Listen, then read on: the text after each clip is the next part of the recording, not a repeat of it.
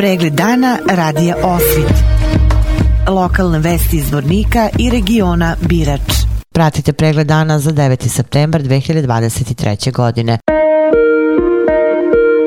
Parasta su i polaganje venaca na spomen ploču na Crnom vrhu kod Zvornika u nedelju 10. septembra sa početkom u 12 časova. Biće obeleženo 31 godina od stradanja 11 pripadnika Vojske Republike Srpske, policije i civila, koji su tog dana 1992. godine iz zasade ubili pripadnici muslimanskih snaga. Za ovaj zločin i nakon 31 godinu još uvijek niko nije odgovarao.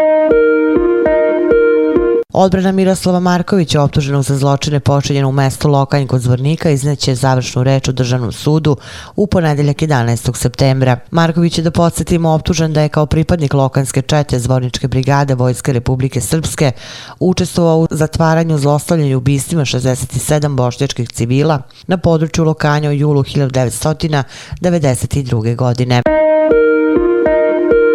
U Vlasenici danas obeležena 31 godina od osnivanja elitne jedinice Vojske Republike Srpske jurišnog odreda Vlasenica, kojim je prisustuo i predsjednik vlade Republike Srpske Radovan Višković. U okviru obeležavanja služene liturgije u hramu Svetog apostola Petra i Pavla, potom je posvećena spomen soba, a zatim položeni venci na trgu srpskih boraca.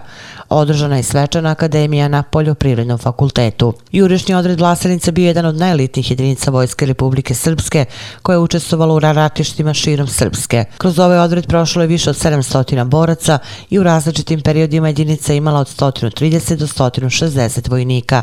Poginulo je 18 pripadnika ovog odreda.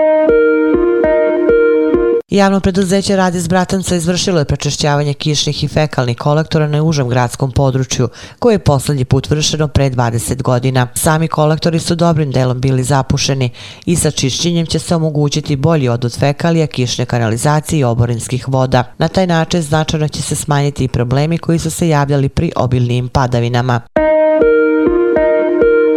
Vesti iz Loznice. Međunarodni sajam šljiva u Osečini održane proteklog vikenda.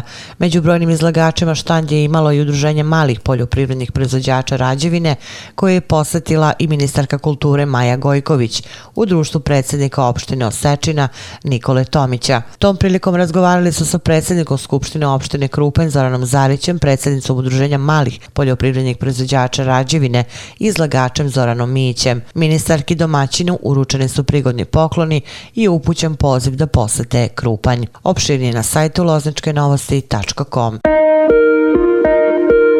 Pratili ste pregled dana za 9. septembar 2023. godine. Hvala na pažnji. Pregled dana radija Osvit.